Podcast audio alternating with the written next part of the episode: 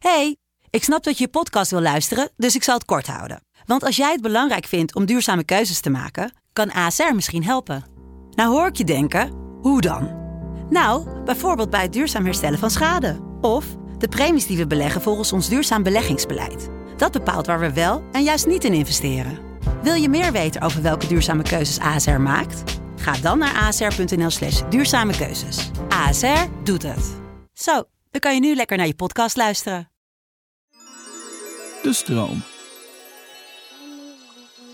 Oké, ja. Volgende. Ga zitten. Kom een kopje thee met me drinken. Wat is je favoriet? Of heb je die nog niet?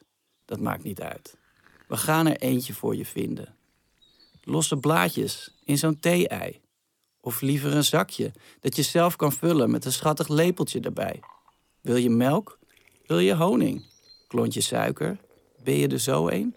Geintje. Dit is de safe space. Had ik dat al gezegd? Het is het echt.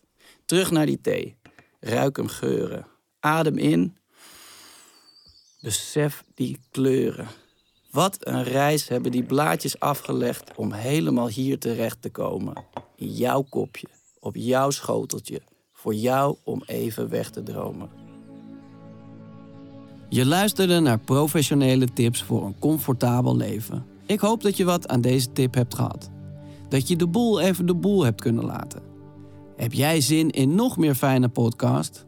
Luister dan eens naar Vader of de podcast Use and J New Emotions. Geniet. Liefs, Pepijn.